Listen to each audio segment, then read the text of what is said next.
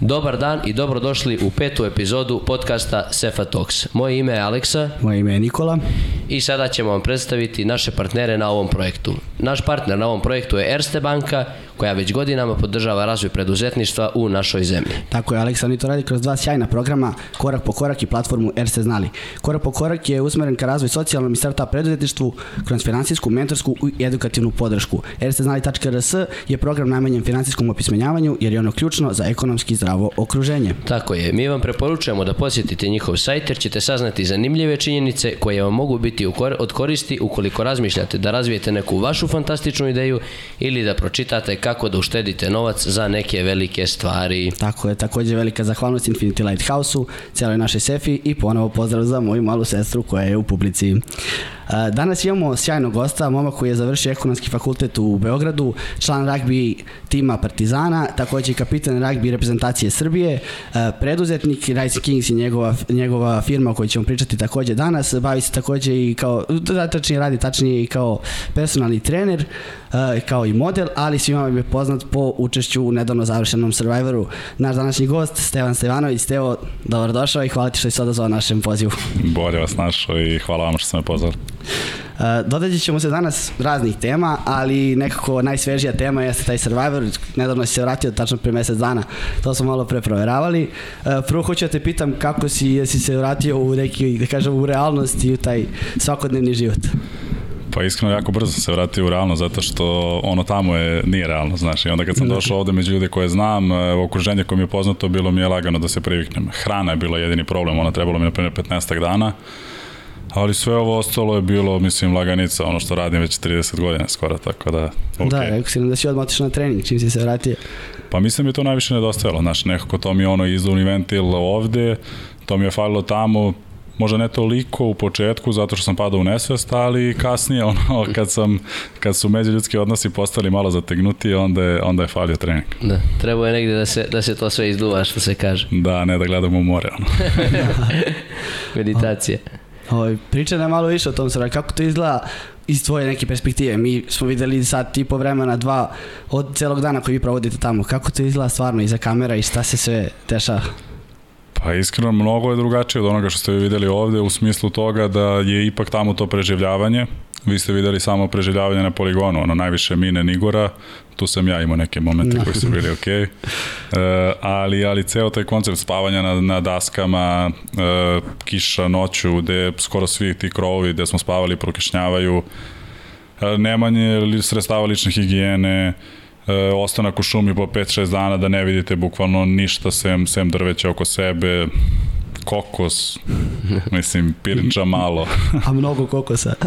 e, mnogo kokosa, to je mislim jedina stvar koja, koju stvarno ne mogu da, da jedem sad kad sam se vratio, ono, pirinač mi je okej, ali kokos kada vidim, pošto sam jeo, pa jedno dvadesetak vrsta kokosa, od buđavog do onog mladog, do pečenog, do sve moguće. Ovaj, kažu da je to, da, da zapravo, i to je činjenica, mi smo vidjeli samo taj neki najmanji dio, a većinu zapravo čini sve, što, sve to što je van kamere. Ovaj. Pa da, da ovaj, ovaj koncept Survivora je malo drugačiji, ovaj turski u odnosu na američki, gde veći akcent se stavlja na same poligoni, na to kako izgledaju te igre, a manje na, na taj moment našeg života tamo. A mislim da je ovaj jedan od težih Survivora, pošto dosta ljudi koji su radili ovaj su radili i prethodne, mm. I kažu da prvo zbog dužine trajanja od 72 dana, drugo zbog tih kao vremenskih uslova i e, tempa snimanja je bio jedan od, jedan od težih, tako da Da. Može se reći da je zapravo to pravo preživljavanje bilo ono van kamera, ono koje mi nismo vidjeli. Pa da, mislim, znaš, je nekako ljudi, ono, najviše mene pitaju kao, sa pretpostavkom da smo mi jeli tamo, Da. kao, a kao vi ste jeli tamo. Ja kad kažem da nismo jeli, oni su kao polu začuđeni, zato što valjda niko nije predstavio koliko je to teško i surovo. Da. No, kad si se prijavljivo, jesi očekivao da će biti tako? U stvari, zašto si se prijavio? Šta ti je bio glavni motiv da se prijaviš? E, iskreno, oni su mene zvali kao, kao sportistu da učestvujem u takvom projektu, mm -hmm. a od kada sam klinac nekako sam želeo, to je jedini show koji sam ja video kao neki gde bi mogao, mogao da se oprobam, da vidim kako je. I onda kada sam dobio poziv, bio sam stvarno onako presrećan, može čak došao i u pravo vreme, jer neko da sam otišao mlađi i ne verujem da bi baš e, ne mentalno izdržao ovo, nego možda ne bi imao toliko strpljenja za ljude koliko sam imao sada. Da. I onda sam samo prihvatio obe ručke i otišao tamo da vidimo kako je. A si znam šta te čeka otprilike ili nisi uopšte imao pojmu? Da će biti samo poligoni, da neće biti ono, da se jedu bube kao u prošlim ono, serijalima i to. E, nisam znao da će biti ovakva dominacija poligona i svega toga, jer sigurno ne bi otišao sa 120 kila tamo, znaš, jer Mhm. pritom bi razmislio da li bi otišao, znaš, možda, na primjer, da sam gledao na televiziji ovaj Survivor, ne bi otišao, znaš, a ovako sreća je da nisam i da sam odlučio da odem, jer mislim da je nevjerovatno životno iskustvo u svakom slučaju. Da, vi ste praktično zagazili u nepoznato, jer je ovo nakon duže pauze povratak na scenu Survivora, ali u drugačijoj formi.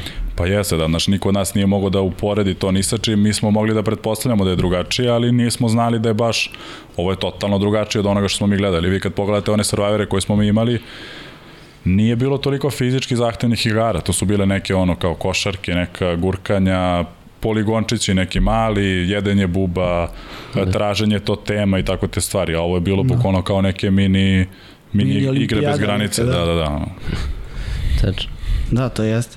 Ali, ovaj, če se da te, da te pitam u stvari, a, koliko ti je taj sport kojim se baviš ceo život pomogao ili na neki način odmogao na tim poligonima, pošto znamo da ti je dosta, tvoj fizički izgled smetao na nekim ovaj, poligonima, negde ti je doneo prednost. Šta misliš o, o tome?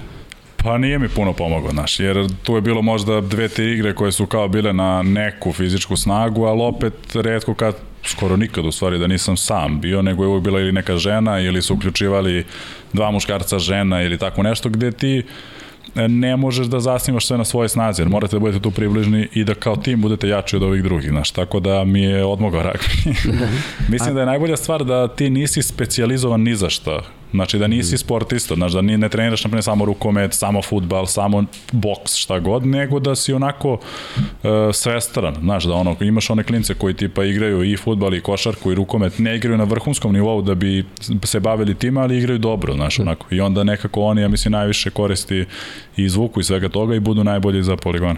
To, zato je Stefan pobedio, on je nekako kao di- default E, obišao sve te Pa dobro, Stefan je stvarno ono kao da su Da. ga pravili za onaj poligon, znaš, visina, težina, motoričke sposobnosti, gađanje, smirenost, znaš, mislim, nema ono, kad bi gledali poligone, da sam igrao s njim e, dva i po dana, pitanje je da li bi ga pobedio dva puta, znaš, tako, a on bi mene verovatno 40, tako No. da... Da, vidjeli smo, nije bilo puno tih igara, jedno, ni, samo ono, tipa te sirove snage, da kažemo, ragbi je bilo ono kad ste se vukli, kad si ti povukao njih, ne znam, sedmoro odjednom, onako, Da, da. to je bio...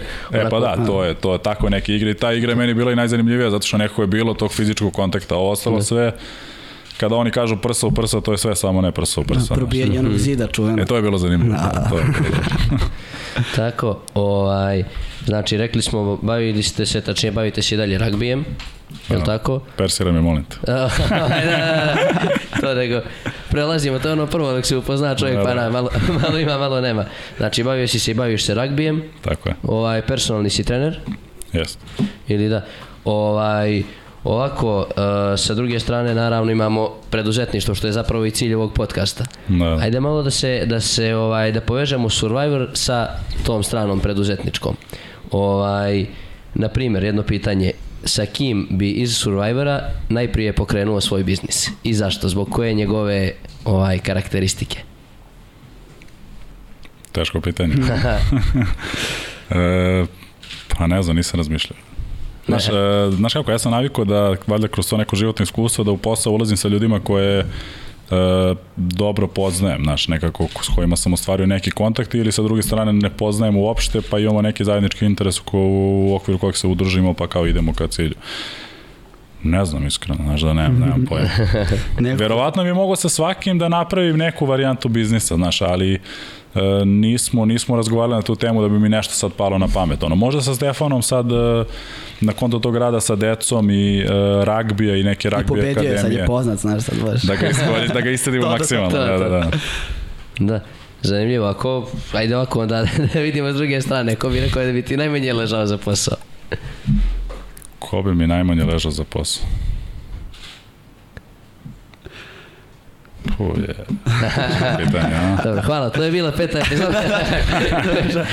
E, pa dobro, znaš šta, nemam pojma, znaš, tu ima dosta ovih devojčica koji su mlađe, s kojima stvarno ne vidim šta bi mogao da radim, osim da se slikam za Instagram, znaš, tako da. pa dobro, imamo tu stranu modelinga i to je... ne, to je, to je, to je bilo, znaš, kad sam bio klinac i Da. nekako ono taj e, pronalaženje sebe i s druge strane ono kao zarađivanje, zarađivanje novca da, da mogu da funkcionišem, znaš, ono sve u granicama kulture normale.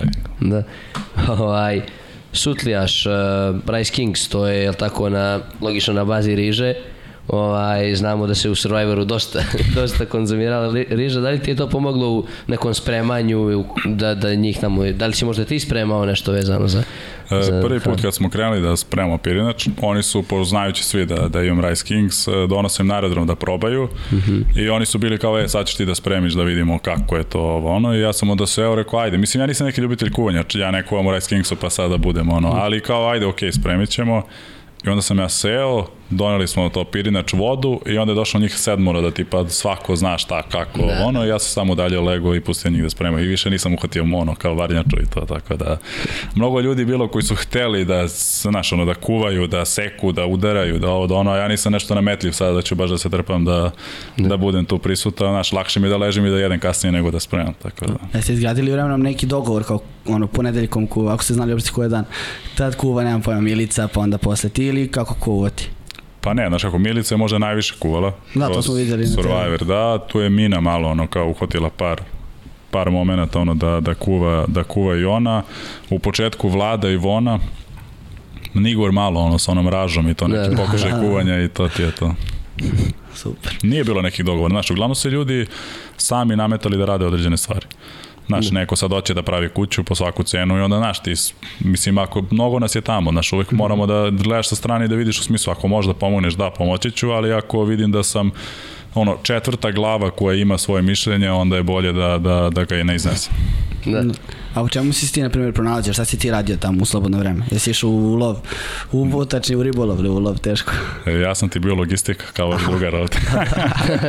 e, pa ne, znaš kako, bio sam ja svuda, znaš, bio sam ja u sve to, sve tu nekako upleten, samo što nisam bio tih koji će sad glavni da bude tu, da. čak i kad imam neku ideju, nešto da kažem, ja to kažem onako, može da se baš ne čekam kamere, nego, nego iznesem ono u toku toga kada, kada nešto radimo, pravio sam neke klupe, stolove, jurio tamo rakove, ovo, ono, znaš, mislim, sve te neke normalne stvari koje smo radili svi. Niko tu nije bio, znaš, sad kao dominantno najvredniji ili nešto. Da, nego stvarno. Samo, lepo. neko je pred kamerama vredniji, neko nije. i Tako. to je stvar dogovora. Ili stvar želja. ovaj, fizički svakako da je borba, ovaj, a da li je možda još i veća borba psihička sa samim sobom? Da li je teško ostati, da kažem, čist i zdravo ovaj, u glavi ta 72 dana? Pa ja nisam znao šta me očekuje, ali sam znao da će možda taj mentalni moment biti u stvari najteži samog Survivora. Tako sam doživljavao Survivor. Na kraju, ovaj koncept Survivora nije toliko težak koliko sam ja, koliko sam ja zamišljao, ali, ali u svakom slučaju bitnije, bitnije je mnogo psiha nego, nego to samo neko fizičko stanje. Moramo da imamo neki taj eh, minimum fizičke spreme, zato što opet su ti poligoni ono koji su svaki dan i koji su bitni za pleme da bi moglo da funkcioniše, ali mislim da je mentalni aspekt ove, opet daleko ispred toga. Koliko su bili zahtevni u stvari ti poligoni? Tačno, jer ovo kad si gleda na TV-u, svi su pametni, svi kao što nisi gađao ovako, od 100 da si mogu prođeš brže. Ko, kako to stvarno izgleda, to snimanje, znamo da je snimanje oko 4-5 sati se snima svaki poligon, priča se nam malo pre kako ste sedeli sa strane. Šta vi poručujete tim ljudima koji misle da bi bolje tebe gađali tamo? Da odu Survivor da probaju. Da. A prvo da dobiju jedno 120 kila da imaju pa onda da odu da vide šta je poligon. E, Pa znaš ako, nisu oni toliko zahtevni fizički sada da ti e, umireš na tim poligonima. Pogotovo ako se baviš sportom ili ako i ole malo treniraš. Znači, meni nijedan poligon nije bio zahtevan da ja sad nisam mogao da ga završim. Poenta je bila što se ja zaglavljivo, padao, mašio one lopte, skakanja i tako dalje i onda lomio sam te neke prepreke, pa te to sputa, pa se zaglaviš, pa onda ti izgubiš tu 2-3 sekunde, a tu je na kraju se sve svodi na to gađanje na kraju. Ako je gađanje neko laganije, onda je najbitnije ko će stigne prvi. Ako je gađanje malo teže, onda možeš i da ga stigneš kasnije, ako kasniš na 5, 6, 7, 10 sekundi, ti možeš da pobediš, ono, znaš. No. Tako da nisu toliko fizički teški koliko, na primer, nekim ljudima po građi možda, možda više odgovaraju i naravno ko je motorički sposobniji e, uvek će lakše da ga prođe. Znači za one poligone ti ne treba mišići, znači to e, dovoljno da imaš, znaš da si onako iole fizički spreman, ok, i to ti je to, ne treba uopšte da budeš nešto Pa specijalno to jako. smo i vidjeli jer bilo je Da. par učesnika koji ono, realno nisu sad neki u nekom treningu Da. velikom ili bilo šta opet prolazilo se i Pa jeste, da, znaš, mislim, to je ono, ovi poligoni meni leže verovatno kao što bi svakome od njih da su dali neko rvanje ili nešto da koliko bi ležalo meni u odnosu na njih, znaš, to je eto, da. ta neka razlika, znaš, sad kao u verovatno tom nekom rvanju u fizičkom kontaktu bi ja pobedio 90% slučajeva, opet izgubio bi, desilo bi se, tako i ovamo, znaš, bilo, jer e, Na primjer, ja sam bio, ja mislim, 25 kg teži od prvog sledećeg takmičara, Gorana, koja je imao da. otprilike 25 kg manje nego ja. Znaš, to je velika razlika kada da. treba da trčiš kroz neke prepreke koje su napravljene za onako žene ili sitni muškarci. A, jesi imao neku mm. taktiku da si razmišljao kao kako bi mogo najlakše vamo tamo i si želeo da pobediš u stvari? Kad sam ti delovao kad da. imam taktiku. za poligone? Pa za poligone, a i ovako generalno, da li si ono, tak, imao tu neku taktiku kao kako da dođeš do što dalje, do, došli do četvrt finala, ali tako? Da. da. Pa nisam imao taktiku to kako da dođem što dalje, znaš, bilo mi je samo ono kao takav sam kakav sam i to je to. Kada sam video kako se razvija situacija, znao sam da ću stići relativno daleko, sad nisam mogao da ti kažem da ću biti, znao sam da neću pobediti, znaš, s obzirom da su poligoni, mm -hmm. sem da nisam bio, ne znam, sa Minom ono u finalu, znaš, pa kao ajde da ali, ali ovako, znaš, ono, da li, su, da li ću da budem drugi, šesti, peti, znaš, to je sad više bio moment sreće, znaš, i s kim si u duelu i kakva je igra i sve ostalo, znaš. Mislim da to dosta zavisi od sreće, nema veze tu ko je bolji takmičar, neko ko je završio možda treći, možda bude lošiji od ovog koji šesti i obrnu, znaš, misli sad sve to onako... Da Da, interesantno je da niko nije glasao za tebe na plemenskom savjetu do, do četvrt finala, ali tako? Ili Mislim da ranije? da nikad nisu, nisu da. glasali da. za mene. Čak i u četvrt finalu sam ispod zato što smo u igrama uh, Milica i Stefan su prošli dalje, a Nađe i ja smo otišli u duel. Da, da, da. A plašili su da, da, da, da probaju, znaš. Ipak je fizički se, znaš, doprineo nečemu, ne, nije da ti e, odmagao samo. Pa nije, znaš kako, e, kada sam Ljudi. izašao, baš je to bio i komentar u smislu da, da mislim da sam jedan od redkih takmičara koji do, nije dobio nijedan glas na tom kao plemenskom mm -hmm. veću, tako da kapiram da ima razlog zašto nisu glasali za mene, znaš, nije samo ne. da je strah ili manipulacija ženama ili ne. da, da, da.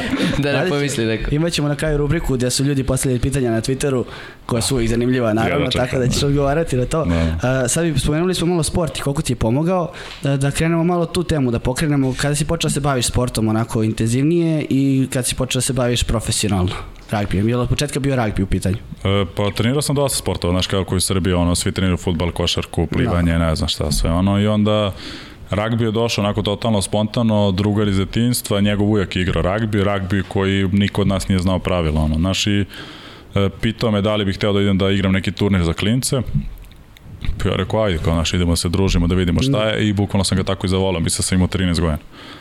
I od tada sam ostao na ragbi, nisam ni razmišljao o nekom drugom sportu. 2007 ili ne, 2008. sam krenuo da igram seniorski ragbi, znači sa 16 mm -hmm. godina, tad sam debitovao za Dorču, sa 17 sam debitovao za reprezentaciju, u seniorsku, pre toga sam igrao za ove mlade. Lego mi je sport, mislim, ja volim kontaktni sport, uh, opet taj moment da je i bitna fizička snaga, ali opet i da imaš taj moment mozga, ali opet je timska igra, neko svi treba da radimo za, za, za, za, za interes tima, tako da pronašao sam se, znaš, nisam mnogo lutao po sportu. A kako je to biti ragbista u Srbiji, pošto nije toliko popularan sport, iako je, ja mislim da je ragbi uh, posle futbala na drugi sport koji je dobio svoj klub u, u Srbiji, ako ne grešim. Da su da je prvi ragbi klub osnovan pre prvog košarkaškog i odbojkaškog. 1912. ako sam tako nešto vidio. Znaš šta, ragbi je uh, imao neke periode kada je bio kao zabrđen da se igra, znaš, sad ne znam, znaš, ne znam ja tu, m, taj moment toga mm -hmm. kad je šta osnovano, sve, mislim da je Partizan osnovan 53. 1953. Ne. A da ragbi kao sport nastup, na primjer, 1896. Da, da. Ali, uh, pa kako je, znaš, ono, okej, okay no, igraš sport, niko ne zna da igraš neki sport. Kad te pitaju, pitaju te, a to je ono s kacigama, ti kažeš ne, nije to s kacigama, znaš, i to ti je to, znaš, to je neka priča, znaš, u početku kad sam bio klinac, uh, ulazio sam u diskusiju da objasnim da to nije s kacigama, onda kasnije i nisam toliko, znaš, igram ga zbog sebe, nekako volim ga zbog tih ljudi koji su tamo i to je to. Tačno. A ljudi ovako, zapravo gledatelji i sad obožavaoci već i to, ovaj, gledaju te, ja bih rekao, malo više kao to, kao ono, sportista, ragbista, ne znaju zapravo sad fakultetski obrazovan ekonomski fakultet u Beogradu, naš fakultet ovaj, no. koji, koji mi svi studiramo, uh, preduzetnik, više poslova toga ćemo se naravno dotaći kojim si se bavio i da li, da li ti je malo da, da, da, ne, da, da kažem krivo što te ljudi gledaju kao, ajde da kažemo, e, Sve si rekao. To. Znaš kako je, predrasude u Srbiji su vrhunska stvar za ako znaš da ih iskoristiš, zato što imaju niže očekivanja i onda ti kad pogovoriš dve rečenice, ono da sklopiš prosto prošireno, oni su kao i ovi znaju da priča, znaš, nisu Da. samo mišići ovo, ono. Tako da, mislim da sam lepo to iskoristio. U početku ti ono, kad završiš faks i kad uopšte se svime time baviš, nekako ne želiš da te doživljavaju samo kroz pre svega teretanu, znaš, jer ovde mene kad vide, niko neće da kaže vidi ga ragbista, znaš, da kaže vidi ga ovo izašao iz teretana, Da, znaš, da, mislim, ne zna on uopšte da se ja bavim nekim sportom i koliko je to uspešno ili neuspešno ili šta god. A onda kasnije shvatiš da realno nije ni bitno, mislim, znaš, koga briga. A, a dosta ljudi me je poznavalo preko samog Instagrama, znaš, a ja na Instagramu ne ističem toliko te neke druge stvari kojima se bavim, već bukvalno stavljam ono takav, takav sadržaj da, da mogu i sam Instagram da iskoristim kao neki biznis model i da zaradim neki novac dodatni. Naravno, svakako izvor prihoda onako sa strane jedan sigurno trenutno ono, Da, kako? pogodan da. Pa mi svakako najlaganiji, znaš, ono kao, Tačno. jer e, najlakša zarada je upravo na tome na Instagramu. Naravno, ta zarada nije neke, neka astronomska i nešto, ali je sasvim korektno da može se živi. Znaš, mislim da bi mogao da živim samo u Instagramu u Srbiji, Da. samo što mene to stvarno ne bi zadovoljavalo, znaš, jer meni je to neka usputna stvar. Da, pomenuli smo to ovaj, prije nego su se kamere upalile i to ka, a, Survivor i uče, učešće u Survivoru iskoristiti to vezano za biznis da kažemo i za svoj posao. Ovaj, na koji način se to treba da se iskoristi, koji je neki tvoj savjet i da li vidiš, da li vidiš da su ljudi to krenuli da koriste učesnici ove sezone? Pa zavisi, znaš, ono, kao što smo pričali malo pre, ako imaš šta da prodaš, onda možeš da iskoristiš. Ako nemaš, onda je jako teško, znaš, jer sad ti da krećeš nešto iz početka, da, može da imaš taj inicijalni push kao sa strane Survivora i toga što te ljudi prepoznaju, ali mislim da je opet potrebno vreme da bi postao dobar u nečemu, šta god to bilo, znaš, i onda u samom početku re- rekao ko je toliko dobar i onda taj push bude onako nedovoljno iskorišćen, znaš, a ako imaš stvari koje možeš da proguraš, e onda je svako dobra stvar ako to uradiš na pravi način, znaš. Da. Ajmo ovako da pričamo o jednoj stvari koju ti svakako možeš da proguraš, odnosno Rice Kings. Da. E, nastalo, rekli smo 2017. godine, je li tako? 2017. smo krenuli u upravljanje proizvoda, 2018. smo otvorili radnju u maju. Mhm. Kako je tekao taj put ideje do otvaranja svog biznisa? Pa ja sam to krenuo sa strane neke kao zdrave poslastice, pokušavajući da napravim sebi za posle treninga su, zdrav sutlijaš. Whey protein, e, pirinač, voda i kao bez šećera da vidimo kako će to da bude, ono kao da jedem nakon treninga. I to je bilo katastrofa, znači kad sam ga ja spremao. to je bilo jestivo samo meni, zato što je to meni bilo kao neko gorivo, ono, znaš, kao varijanta da zamenim nešto drugo, belo meso i pirinač, ovo mi je bilo opet ukusnije od toga, ali sam siguran bio da ljudi to nikad ne bi kupili. I onda sam nakon, na primjer, mesec, dva, pitao mamu da proba ona da napravi to isto, da vidimo kako će da ispane, jer opet, znaš, ja nisam neki, e, neki vrsni kuvar da, da mogu da iznesem to. I ona je napravila i to je bilo sasvim korektno. I onda sam skapirao da ti možemo da napravimo više različitih vrsta i onda smo krenuli da eksperimentišemo sa ukusima, sa varijantama šta sve može, šta ne može, koji pirinač, koje mleko, koliko se kuva, znači, i to je trajalo 5-6 meseci. Umeđu vremenu smo mi našli slučajno lokal, ja sam trebao da uđem sa nekim ljudima u posao, ali oni su umeđu vremenu odustali i ja sam rešio da nastavim, mislim, svakako, jer ono, verovao sam u samu ideju. I, I onda smo testirali proizvod dok nismo došli do toga da imamo, na primjer, 15 nekih za koje možemo da kažemo, ok, to je to, ovi valjaju, daj da krenemo, da vidimo šta će da se desiti, kako će da reaguju ljudi. I krenuli smo 2. maja 2018. Da. Znači to dođe četiri godine, je li tako? Pa da, sad će malo više 4 godine. Da, i vas je vatio taj period korone, nažalost, je li tako? I... Pa jeste, znaš kako, taman je onako krenulo, jer ja sam, kada smo kretali sve to, ja sam rekao da treba otprilike 3 do 5 godina da mi napravimo neku poziciju na tržištu, da ljudi opet čuju za nas, da, da probaju proizvod, da imamo neku e, povratnu reakciju da vidimo šta se dešava, znaš, jer svaki nov biznis, pogotovo ovog tipa koji ne postoji, je jako teško da zaživi o, u prvih godinu dana, šest meseci, sem ako se ne desi neko čudo, na primjer, znaš, sad ja, ja sam ga napravio pa šest meseci, ušao u Survivor i sad znaju i onda ga malo brže izreklamirao, ali Inače je potrebno dosta, dosta novca da bi ljudi, ljudi videli to, da bi došli da probaju i opet je nov proizvod, znaš, moraju da ga probaju, nije dovoljno da on samo vidi i kaže, o, ok, ovo je super, kao naš, jer sutlijaš je sirotinska poslastica.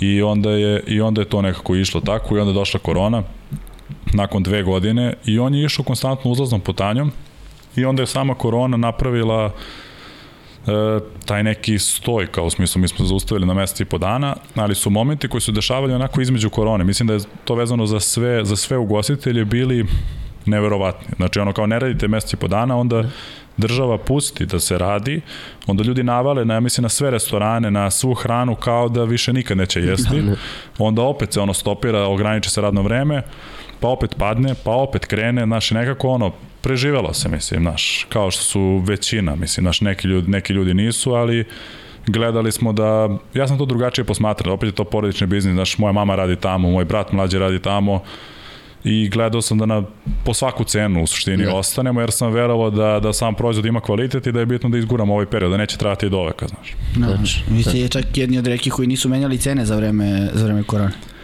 Pa nismo iskreno ni razmišljali tada o tome, znaš. Meni je bilo samo bitno da održimo taj kvalitet, jer meni je sa strane koji se ne razumem puno kuvanje, gledam kuvanje negde kao, kao matematiku i bitno mi je da, da svaki proizvod, znači jedan sutlijaš, ako je na primjer Ferrero ili Rafaelo, da danas, za 5 dana, za pet i po meseci bude isti, znaš, da ti kad dođeš sada da znaš kad kupuješ, kao što u Meku imaju standardizaciju, znaš, i da, to mi je da, bio da. pre svega cilj i nekako mislim da smo u tome uspeli, evo četiri nešto godine držimo, držimo taj isti, isti nivo kvaliteta, a nismo ni pomišljali stvarno da dižemo cene, mislim da nije bilo razloga zašto bi dizali nije bilo nekog ekonomskog razloga tada da dignemo cene, osim da možda vidimo kao, ok, sad su ljudi gladni i naši ili nisu dugo izlazili van kuće, pa ćemo sad mi na tome da, da, da ostimo neku korist. Nema potreba za tim. Da, naravno. Da. Šteta što više ljudi nije tako razmišljalo u tom periodu. e, pa mislim da su najveći skokovi cena su se desili sad kad sam ja bio u Survivoru. Ja kad sam se vratio u Beograd, da, da Ja nisam mogu da verujem šta se dešava ono kada odem u prodavnicu, kada odem u restoran, kada odem u nabuku za sutlijaš, mislim da su cene skočile neverovatno, a nekako su ljudi ono lagani, kao naš, kao da se ništa nije desilo, rekao da sam ja pao s Marsa ili naš, ili sam bio tri godine. Ovako. To je, to je rekordna inflacija, se bilježi inače ove godine, bukvalno u poslednjih 40 i nešto najveća koja, koja se dogodila a i pogotovo nego mi, mi vjerojatno to nismo toliko osjetili jer ipak ova dva, tri mjeseca poveća se za 2 dinara, pa za 3, pa za 5 no. i da. to, a ako kad, kad ti izađeš iz, do, kad se ulazili u Survivor školjke, ja je bila 129, sad ispod 200 ne može da se nađe, mislim. Jest, kad to, se... je, to je meni, ja to, mislim, ja imam standardne stvari koje jedem kod kuće i s druge strane standardne stvari koje je nabavljene za sutlijaše. Ja sam baš to, otišao sam da vidim jaja, kao 209 dinara je bilo, da. kao 10, ja, ja rekao, ja to nikad nisam vidio, sam ono organska neka, da, razume, znaš, ono neke izmišljotine, da. ali e, nisam, znaš, i onda kad sam otišao na baku za sutlijaš, vidio sam da, na primjer, pirinaš skočio za 35%, što je mnogo za tako kratko vreme, znaš, ono, mleko, pogledaj sad nestašice mleka, šećer, jurimo kao da je 93. a ne ono, znaš, ali da. dobro, to je kod nas valjda normalno, znaš, ili si jedni rade veštački da bi uzeli više love, ili narod po blesavi pa kupuje toalet papir, ono, znaš. Da, da, toči benzin, ono. Pa da. Strašno. Ovaj, to, Rice Kings, to nije tvoj prvi biznis, jel tako? Prvi posao. Uh, Rice Kings je... Znaš kako, ja sam krenuo, prvo sam, ja mislim, ušao u teretanu. Otvorio mm -hmm. sam teretanu sa drugarima. Uh, pa sam otvorio Rice Kings, pa sam otvorio jedan restoran.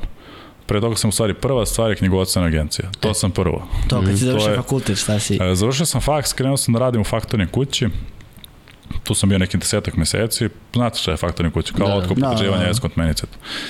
Tu sam radio desetak meseci, shvatio sam da je knjigovodstvo jedan jako lagan posao. E, i mislio sam sad ću ja da zaradim pare tu, to mi je vrhunski naš, nije puno, onda sam, onda sam jako brzo skapirao da nema šanse, naš, jer nekako je meni barem dosadno, kada se radi na tom niskom nivou, nisam ja radio knjigovodstvo ili neku reviziju ozbiljno pa da pričamo o nečemu, znaš, to su bile neke IT firme, nešto što je stvarno smešno za, za voditi, ali se nisam stvarno pronašao tome, vidio sam da, da nema baš, e, ne vidim ja nešto sebe u tome, znaš, to mi je onako posao za žene od 60 godina. e, i, I onda da rade s pola mozga i to je to. I onda sam, nakon toga sam otvorio teretanu, Rice Kings, e, restoran, E, bilo je tu još, radio sam na, na York univerzitetu kao edukator, u smislu teorije, praksa sam držao ljudima -hmm. koji žele da budu personalni treneri i na trećoj godini anatomiju biomehaniku i to je to. Da, znači svakako puno, puno stvari i to treba što kaže ono, da se proba sve dok si mlad. e, pa nisam se nikad plašio, znaš, tih stvari, kao i Survivora, znaš, ono, ako me nešto zanima, bio sam u fazonu, ok, ajde da probamo da vidimo šta će se desiti. Mislim, najgora stvar je da ne uspem, a i to je ok, preživet ćemo, znaš. Tečno. Tako da mislim da je dobra, dobra stvar radi životnog iskustva i sve te neke greške koje su dešavale, kasnije projekti koji su dolazili su bili uspešni baš zbog toga što sam znao gde ne treba da grešim. E, to, to je ono što nas zanima, jer nas, generalno nas gledaju mladi i ljudi koji žele da pokrenu nešto svoje. E, koje su te neke greške koje si ti pravio da, bi, da njima kažeš da oni ne prave i šta je to sa čime si se susreo kao prvi put što ti je bio izazov kad si počinjao te, taj neki preduzetnički posao? Pa ne znam, možda sam mislio da će ići laganije, znaš. Nekako, znaš, ono što god da krećeš, ono tebi je, ma sad ću ja to da razvalim, ma sad će ovo, ono, znaš, stvari kad shvatiš, stvari koliko ima tu problema i koliko stvari te zadesi da si ni sam ne znaš, koliko ima uticaja na koje ne možeš da utičeš, e, loših procena, mislim, na milijardu, znaš, stvarno milijardu grešaka, ono kojih, e, koji se dešavaju, koje su dobre dokle god može da ih platiš novcem, znaš. I onda, I onda nekako, znaš, iz jednog u drugi, treći, izbor poslovnih partnera, znaš, svašta je tu bilo, znaš, mislim, to je ono, e, nekako, valjda, vremenom se razgraniči i taj moment s kim možeš da radiš, s kim ne možeš, s kim ti je teško da radiš, e, s kim se slažeš, s kim se ne slažeš, znaš, svaki biznis nosi nešto svoje. Da, to bi svakako s kim se može, s kim se ne može, možemo da povežemo i ovamo sa, sa samim takmičenjem, jer vi ste, vi ste praktično ne, ne firmu, ali vi ste bili ste ukućani, jedno, mislim, Da, ti živiš ti nije bukvalno kuća, ali ajde u, u je. Barasari. Da, da. da. Ovaj, Šator. da, tako da. Malo loše šator. Da, da, tako da i tu je trebalo, tu je trebalo probrati s kim se može i s kim se ne može i to je ono što smo isto pričali prije, ovaj, prije emisije, da zapravo ta glasanje i sve to, to nije toliko uticao poligon koliko zapravo to što mi nismo vidjeli van kamera jer to je većina E, vremena. Znaš kako, zavisi ko je šta gledao, znaš. Nekome kome je odgovaralo da, da poligon bude taj na osnovu čega se glasa, on je glasao na osnovu poligona, znaš. Meni, e, meni to nikad nije bilo toliko presno. Ja sam prvo otišao mnogo lagan po pitanju tih poligona, znaš, što sam skapirao kasnije da kad sam vidio stvari koliko se ljudi lože na to i koliko im je to ono, naš sve ili ništa, jer valjda kad dolaziš iz sporta i kad odeš na tako nešto kao što je Survivor, meni je to bilo onako zabavno, znaš, da tipa ja padnem, sapletem se, znaš, ne uspem, ovo, ono, znaš, nisam nikad to doživljavao tragično kako su, kako su možda predstavili, predstavili ovde. Ono što mi je bilo bitno je da, da na koji način se ti ljudi ponašaju u svakodnevnom životu, znači jer mi smo opet živeli zajedno, znaš, nekako E, to ti je isto kao kod, kod kuće, znaš, imaš e, neko ko može donosi dosta love, ali je katastrofa po domaćinstvo, da ćeš da ga trpiš, mislim, znaš, dalje, dalje novac, na primjer, predstavnik ili ovamo, da li dalje taj jedan poen e, dovoljno, znači, dobar da bi ti strpeo neke druge stvari koje se dešavaju ovamo, znaš, i mislim da ljudi nisu bili dovoljno upućeni u, u sve to, znaš, meni je, na primjer, bio bitniji taj moment Da. kako, kako funkcionišu međusobno, koliko poštuju druge takmičare, koliko su iskreni, e, kako se ponašaju jedni prema drugima, e, da li stoji iza svojih reči, e, da li manipulišu, da li se foliraju, da li, znaš, koja im je taktika, na koji način žele da stignu dalje i onda ja sam na osnovu toga glasao. Znaš. Da, tačno. Ovaj, e, da li si to rekao kad, kad su zvali, kad je stigao poziv, da li je bilo ono odmah što se kaže skok na glavu idem tamo ili je bilo malo promišljanja hoću, neću, šta mogu da izgubim, šta mogu da doprinesem, šta... Na vaganja. E, uvek slušam prvu misl koja mi se javi u glavi. I za posao, i za ovo, i za sve. Znaš, ono kao da slušamo, sad pričamo o poslu i ti mi kažeš neku biznis ideju, ako mi se nije svidela odma, teško da ću ja da razmišljam o tome da mi se kasnije svidi, znaš. I ako dođem i uđem u posao s tom, na kraju će se ispostaviti vjerojatno da nije bio dobar, verovatno iz te podsvesti što ni sam nisam verovao u to. E, tako je bilo i ovde, znaš, kako su me okrenuli, rekli mi, ja sam već tada znao da ću da idem, ali naravno nisam to rekao da bi mogao da uzmem više love. To je to biznis što smo Da, da. pričali. ali znao sam, znao sam, šalim se, nisam, nije ni tu bilo nekih problema, znaš, to je sve bilo okej, okay, ali, ali istog trenutka sam znao da bez obzira na sve, iako sam imao dosta, dosta obaveza i nekako sam e, rastrzan na više strana bio pre samog Survivora, e, znao sam da je vredno da, da odem tamo i da sve ostopiram. Da. Kako je kako, kako je bila organizacija to povodom uh, Rice Kingsa i uh, treninga i sve na, na kraju i ragbija samog kao za vrijeme dok si bio tamo u Survivoru. Pa pazi, ragbi nije mogao da trenira niko umesto mene. Pa da, to, to je činjenica. e, Rice Kings, mama i brat su tu onako dosta, dosta izneli. Tata je pomagao, pomagali su neki moji prijatelji, jedan prijatelj najviše. E, znao sam otprilike, ja sam to nekako ostavio, ono da kažeš u sigurnim rukama, da, da. Da. delegirao sam u suštini znaš, te neke stvari, da, da bi to moglo da funkcioniše. Ispostavilo se da može, znaš, to su neke normalne stvari koje shvatiš kroz biznis, da ne možeš sve sam, Da. I da ćeš biti uspešniji ako nađeš ljude koji su bolji od tebe i uključiš ih u svoj projekat, znaš. Da, to su svi naši gosti koji su bili do sada u svim ovim emisijama, svih četiri, su se složili oko toga da je jako bitan taj kolektiv s kojim, i ljudi s kojima radiš, da ti, na primjer, eto, kada odeš, bukvalno smo vodili primjer, dođeš na pust, ostao tri meseca, ti si to uradio, i da ostaviš posao, da sve stoji, da ti ne moraš da brineš da li će neko nešto da uradi loše, nego da znaš da je, da je taj tim koji ostaje udobno dobar. Pa poverenje, znaš. Da. Ako nema poverenja, nema ni, nema ni posla, nema ničega. Nema nikakvog kvalitetnog odnosa, čak i nevezano za posao, životno, znaš. Kako Da. možemo da funkcionišemo ako ne veramo jedan drugom. Da, Da. da. upravo da. Znači, složio bi se da u biznis treba da se ulazi sa bliskim ljudima. Pošto je bilo neki gosta i naših, na primjer Srđan Erceg, koji je rekao da nikako ne treba se ulazi u biznis sa bliskim ljudima, jer će kad tad doći do raz, raz, razmimo i leženja u mišljenju. Znaš kako, e, svakako nije dovoljan uslov da, da budemo bliski, znaš. Ne, možda sam napravio i tu grešku, čak da sam uključivao nekad ljude koji su mi bili bliski, zato što sam mislio da bilo mi je drago da, na primjer, ne znam, na primjer, oni prosperiraju da naprave nešto za sebe i na kraju mi se to bilo glavu, znaš. Tako da na taj način sigurno ne bi ušao nikad u biznis, ali da bih pre ušao sa čovekom ili sa osobom koju poznajem, poznajem jako dobro, da. S tim što moramo da izbacimo sve karte na sto, da. ako se nazivamo prijateljima, znači da znamo sve jedan o drugom i da onda nema tu nekih kao problema, znaš. Neke stvari koje kasnije mogu da se jave, mislim da odrasli, zreli ljudi mogu da reše, znaš, jer ne mogu nikad dve glave da budu u pravu, ili ako jesu, ajde, okej, probat ćemo, naš, napravit ćemo neki kompromis, pa ćemo da testiramo da vidimo šta se dešava. Da, to je to u prijateljstvu dolazi do, do izražaja i na neki način se ispituje.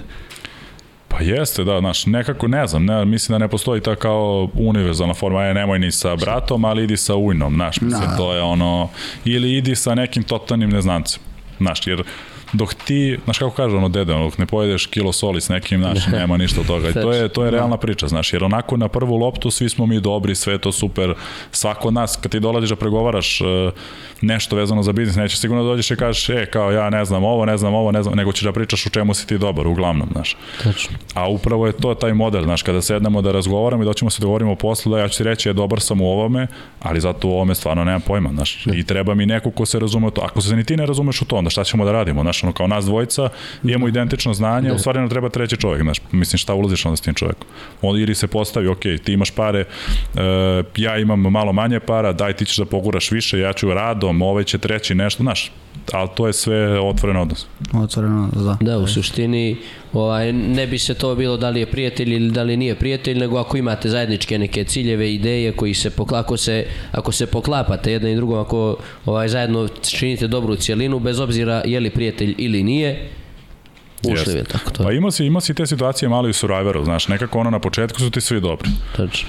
Onda se posle 20-30 dana određeni ljudi deklarišu kao prijatelji. I onda posle 20 dana nakon toga dođe situacija da ti treba da biraš između sebe i prijatelja i ti izabereš sebe, znaš. I onda ti pokažeš u stvari kakav si. Da. Mislim, e, to je opet e, legitimno pravo te osobe, ali znaš, te stvari su onda kontradiktorne. Mi moramo da dođemo do nekih teških situacija da bi mi videli u stvari kakvi smo mi ljudi. Znaš, u dobro je lako biti dobar, znaš, da vidimo kako smo u zlu ili kada je loše, znaš, i da vidimo kako će onda da se postavi neko s kim si ušao u posao i da li će da gleda sve u dinar ili, ili će da podrži, da zapne još jače ili će da bude da digne ruke i kao, a, nema ništa od ovoga, znaš. Da, zato je Survivor lepo iskustvo i dobro iskustvo, ne samo da ti ispitaš svoje granice, nego da vidiš i generalno druge ljude kako se ponašaju u tim situacijama nekim, kad je njima, kad je njima problem, kako reaguju. Znaš šta, Survivor ti je život u malom. Da. Znaš, nije, nije to izolovano. Koliko god mi mislili da je to kao izolovano, to je u stvari preneseno ponašanje naše iz toga realnog sveta na pustom ostrvu. I onda e, greške koje si pravi u realnom svetu ti ćeš da praviš i tamo, znaš, uglavnom. Ili ćeš da napraviš pa ćeš da uvidiš pa da kažeš ok, neću više ovako, znaš, ovo, ovo ne vodi nikud. E, tako da je dobra, dobra je škola, znaš, mislim da je dosta će značiti ovim uh, momcima, devojkama koji su mladi, ako iskoriste na pravi način. Ako ne shvate suštinu, onda, znaš, bolje da nisu ni bili, znaš. Da. A si se razočarao možda u neke ljude? Da nisi očekivao da, da si, da ste, na primjer, eto, bili ste dobri, a onda si čuo posle da su za kamere pričali nešto drugo.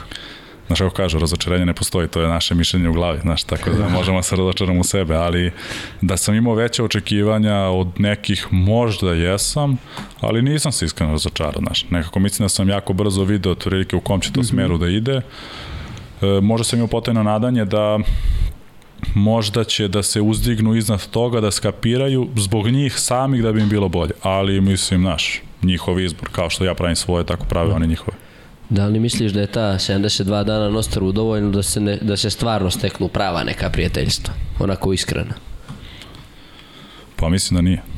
Znaš, nekako meni je to ono što smo pričali, naš neko prijateljstvo je ono teška reč. Jeste danas obezvređeno kao i sve, znaš, na sve se gleda površno. A prijatelju, moj brate, kume, ovo, ono, a u stvari kum, e, bolje si sa kumom nego sa kumom, znaš. E, tako, da, tako da mislim da nije. Mislim da treba da se, da se prođe malo više vremena i malo nekih drugačijih situacija. Ali opet u Survivor je specifično, svi smo u istim uslovima, kad izađemo napolje baš i nismo. Da. Koja je ovako jedna stvar, da pitam malo neko ovaj, pitanje van, van konteksta, koja je jedna stvar koju bi ponio sa sobom na pusto ostrvo? da. Ima oni vicevi, znaš, pa ono šta god da kažem, da. Da. uh, knjigu. to, to bi ti Branko možda da, rekao. Da. Uh, čekaj, pričamo o pustom ostrovu ovo da kao da preživim to. Da. Pa šta bi pono sekiru, mislim, ne znam. Dakle. Realno Kao, sekiru tu i na, na, za, za Survivor ili ovako generalno sam na pustom ostrovu, to je sekira. Ovako u Survivor, kao da si mogao nešto da poneseš sa sobom, onako neku stvar. Nemoj sa telefon ovo. No. A ne treba mi telefon. Telefon mi bio, ono, super mi bilo što ga nisam imao jedan, e, što nisam mogao se čujem s mojima, ali, ali mi je drago bilo sa dvoje toga. Da. Pa ne znam stvarno šta bih ponao. ono, nemam pojma. Pogotovo u Survivor ne znam šta bih ponao. Da, tamo, tamo, još ti dobili na početku te neke alatke ovamo tamo. Pa to je sve ono na što ti treba, nema tu nešto da. puno mogućnosti, znaš. Da. Četki su za zub. da, da. ovaj, koja je ovako, da li, da li možda za, za to vrijeme provedeno na ostrvu, da li si razmišljao nekako možda o poslu, o šta, bi, šta ćeš posle, kako ćeš da se snađeš, neka no, da li je možda neka nova ideja proistekla iz nekog iskustva u Survivoru? Nova vrsta pirinča neka koji se otkrio tamo. E, ma ne, probao sam sve vrste pirinča. Neki kus, ovaj, s kokosom. to sigurno. e, znaš kako, razmišljao sam, razmišljao sam o poslu, šta kada se vratim i nekim stvarima koje sam pokrenuo pre, I onda mi je, vrteo sam kroz glavu da vidim sve moguće varijante, u kom smeru bi možda moglo da ide, zašto je ovo dobro, ovo nije, znaš, tako, jer imaš dosta slobodnog vremena. I onda ja volim da razmišljam o tim nekim pametnim stvarima, ne da razbijam glavu o, o glupostima i da otežavam sebi situaciju tamo. Tako da sam dosta razmišljao, znaš, pogotovo tamo nemaš osjećaj sa, za vreme, znaš, ti sad, na primjer, legneš ono kad padne mrak, to može da bude u 8 sati uveče. Da. I probudiš se u 3 noći, tebi dalje mrak, znaš, sad ja ne mogu, ti kada si kod kuće, ti ustaneš u, na primjer, 3 ujutru i u fazonu si šta sam se probudio da se vratim još 2 sata na silu, 3, razumeš, a ti ovamo kad ustaneš, ja ne znam da li je 6 ili 3, da. znaš, i onda kao ti prirodno se budiš, ustaneš i kao šta ću, aj založim vatru, znaš, čisto da nešto barem vidim, jer nemaš nikakvo svetlo I onda tad imaš dosta, dosta prostora da, da razmišljaš, a i nekako si vada ujutru produktivniji, bare sam ja tako skapirao, znaš, zato valjda ovi svi ljudi ustaju u pet, ono, znaš. Da, da, da. da je. A kakvi su uslovi tamo eto, tu, u kojima si, u kojima si živeo, to me zanima, nismo te pitali, kažeš da tu ste ti ujutru zapališ vatru, taj neki kao kolektiv, znaš, da svako radi nešto svoje ili se ipak vodi računa ovaj, o, o drugima? Da li nekome smeta ta vatra koju ti upališ u tri ujutru? Pa ne može toliko da smeta, znaš, nisam baš pravio one logorske vatre da dozivam pomoći, ono, znaš. Da, ali, ali, pa pazi, uslovi su takvi, spavaš na daskama, kad pada kiša, verovatno kisneš, e, gladan si skoro konstantno, e, vrtiti se u glavi, ono, neki su i padali u nesvest, nemaš neku specifičnu podelu posla, jedino što se znalo, na primjer, da je Milica dominantno spremala hranu, jer nekako se pokazala da je vešta u tome, dobro je to delila, ono, svima je odgovaralo i onda je bilo kao, ok, ona sprema, ove ostale stvari, ono, ko se, ko se kako uhvati, znaš. Imaš neke ljude koji možda malo više vole da, da ne znam, love ili to. Ja nisam, na primjer, išao toliko nešto u lov, jer sam video da nema puno potencijala, znaš, da ću više vremena da izgubim nego što ću da nešto korisno mm. Ali to je to, znaš, ono, kao, ko šta hoće, znaš, pusto ostaro, mislim. da. da li je neko nešto ulovio, nešto vrijedno pomena, onako, kao Pa mislim da su Nigor i, i Vlada, Nigor je prvi uložio onu ražu, pa je mhm. Vlada isto ulovio neku ražu, ali to je, mislim, smešno, znaš, to ima 40 grama mesa na nas desetora, to nije ništa, znaš, više one hrskavice neke, da. znaš, kad 40. dan, ono, gladni smo i, na primjer, Vlada ulovi ražu i ja sam u fazonu da je ne jedem. Eto, znaš, toliko je ukusna da prosto, znaš, ono, ne, ne znam stvarno ništa šta bi mi donelo, znaš, to je ono ovoliko, na primjer, kao mesa i kao sad ću ja pojedem to i okej, okay, a ono ostiš neku hrskavicu, znači kao kad ideš one, znaš, batak, pa ono gore, ona hrskavica na kuhu, mm -hmm. mislim, ja, je to odvratno, znaš, nema pojma, i onda mi je odvratno i u Survivoru, koliko god da sam gladan, tako da, mm. ništa specijalno. Nekako bi izvukao, na primjer, paralelu sa preživljavanjem u Survivoru i preživljavanjem u, u biznisu te neke da ti međuljudski odnosi, te neke ono neke iskušenja s kojima se susrećeš prepreke? Pa dosta je slično. Dosta je slično, treba ti mnogo strpljenja, moraš da budeš spreman na, na padove, udarce neke sleđa, znaš, svašta, neke nepredviđene okolnosti, ali je bitno da veruješ da možeš, znaš. Jer dokle god ti veruješ, velike su šanse da, da napraviš nešto. Kad ti sam poljuljaš svoje samopoznanje i ono šta, šta radiš, onda je jako teško. Da li ti je možda ekonomski fakultet i iskustvo na ekonomiji pomoglo u Survivoru? e, pa, znaš kako, ne znam, mislim da mi je dosta pomogao ekonomski s te strane što uđeš u tu neku zajednicu ljudi koja te kasnije kanališe u, u različiti smeru. Ja sam od uvijek znao da ću da upišem ekonomski. Znaš, kad sam bio osnovna škola, znao sam da ću da imam ekonomsku srednju, znao sam da ću da upišem ekonomski faks, nekako nisam od onih ljudi koji su bili kao ja da ću pravo ili ekonomiju zato što ne znam šta ću, znaš, nego, mm. nego mi je to bilo nešto što me zanima, zato sam izvršio taj smer, ono, ekonomska analiza i politika, mislim, to ne upisuje niko ko je normalan, znaš, to je, e, pritom što sam mogao da upišem šta sam hteo, znaš, od tih smerova, nego nekako me ta statistika, matematika, ta kao prava ekonomija me zanimala, e, na teorijskom nivou u tom, tom smislu, ali kasnije da bi mogao da primene u biznisu da znam, znaš, te teorije cena i sve to koje su možda za dosta ljudi kao možda uzalodni predmeti, meni su bili ekstremno simpatični. Volim matematiku, znaš, onda mi je to bilo nešto, a, iz, a i mislio sam da ću da završim lagano i tako je bilo, znaš, jer opet mnogo mi je lakše to, kad su te matematičke formule, dokazivanja i sve, nego, nego učenje na pamet. I onda dati neki, znaš, onako još jedan dodatni ugao pogleda na život koji ti kasnije znači kada, kada odeš u Survivor i kada se nađeš sa ljudima s kojima možda se nikad u životu ne bi sreo, znaš. Da. Tako da je sigurno znači, znaš, ja mislim da svako mislim treba završi fakultet. Ne zbog toga što je kao fakultet daći ti ne znam ni ja šta, znaš, ništa mene nije čekalo posle ekonomskog fakulteta, niti sam bio bolji, niti sam mislio da sam bolji od ljudi koji su ušli na primjer privatne fakultete ili nešto, ali e, prilagođavanje sistemu, e, moranje da učiš, znaš, šta god bilo, ti realno moraš da učiš da bi to završio, znaš, niko, niko koji završi ekonomski faks ne može da kaže da nije učio, znaš, da nije pročitao no. Da. knjigu ili ne znam, kao slučajno, da, ne možeš slučajno da ga završiš. Da. možeš 40% ispita možda možeš da položiš na foru, ali 60% teško, znaš. I, i, onda, I onda mislim da je to ozbiljna, ozbiljna životna škola.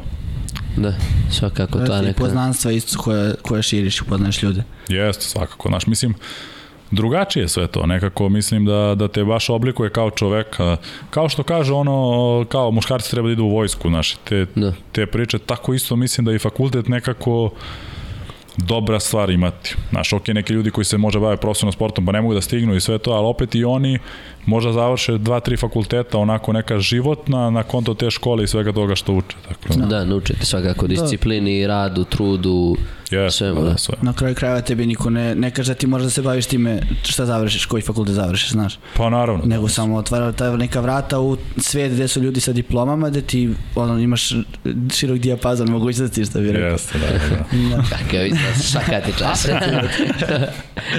rekao bi čovjek da je pamet. da. Vidio sam kako se preslišao ono pre podcasta. Da, da, da. Dijapazon, dijapazon. Ovaj, da, znači, Da li si nekad zažalio što si upisao ekonomski, na primjer? Zar evo da za ove ljude koji slušaju sa našeg fakulteta? Kad si učio predmete te neki? Nisam, nikad. Nikad. Baš mi je bilo drago što sam ga završio i nekako, znaš, mislim da je ono jedno od lepših stvari. Znaš kako, nisam imao predstav. Ja sam mnogo lagano prošao kroz taj fakultet u smislu, ja sam učio, ali mi je bilo onako neka usputna stvar i za to vreme sam igrao ragbi, znaš, ono, konstantno radio sam i fakultet mi je bio kao ono, ja to moram, razumeš, ono kao i bilo mi bitno da završavam u junu, da čistim godinu, da bi mogao da imam leto zbog ragbija, prvenstava mm -hmm. i svega toga.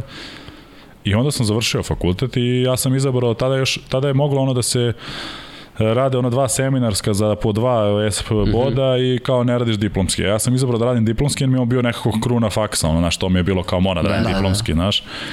I onda sam slagao moje da, na primjer, imam diplomski za 7 dana. Ja sam otišao na faks da odbranim diplomski i krenuo sam u teretanu. Znaš, ja sad kao znam, završio sam faks i rekao, ajde da okrenem sad moje, znaš, da javim to. Ja okrećem mamu, izlazim iz e, dvorišta, tamo ekonomskog faksa, išao sam tad e, na bus, na 83, ona mi išao do teretane. Ja zovem mamu, znaš, sad kažem, e, kao, zezao sam se, kao, znaš, bio mi diplomski sad, odbranio sam, završio sam faks. I kao, muk neki, znaš. Ja kao, halo, i vidi, čuje mama, ono, plače, znaš, ja rekao, brate, šta sam uradio, znaš, da sam mental, znaš, on nisam javio da je u stvari, znaš, trebali su da dođe ovo, ono, I ona meni kao, pa ti stvarno nisi normalan. Mislim, da si bre lud čoveče. Znaš, ono kao završio si faks, ono, znaš, imao sam 22 godine u tom trenutku, znaš, meni to bilo kao je normalno, idem sad u teretanu, častit ću drugare odatle i idemo dalje, znaš.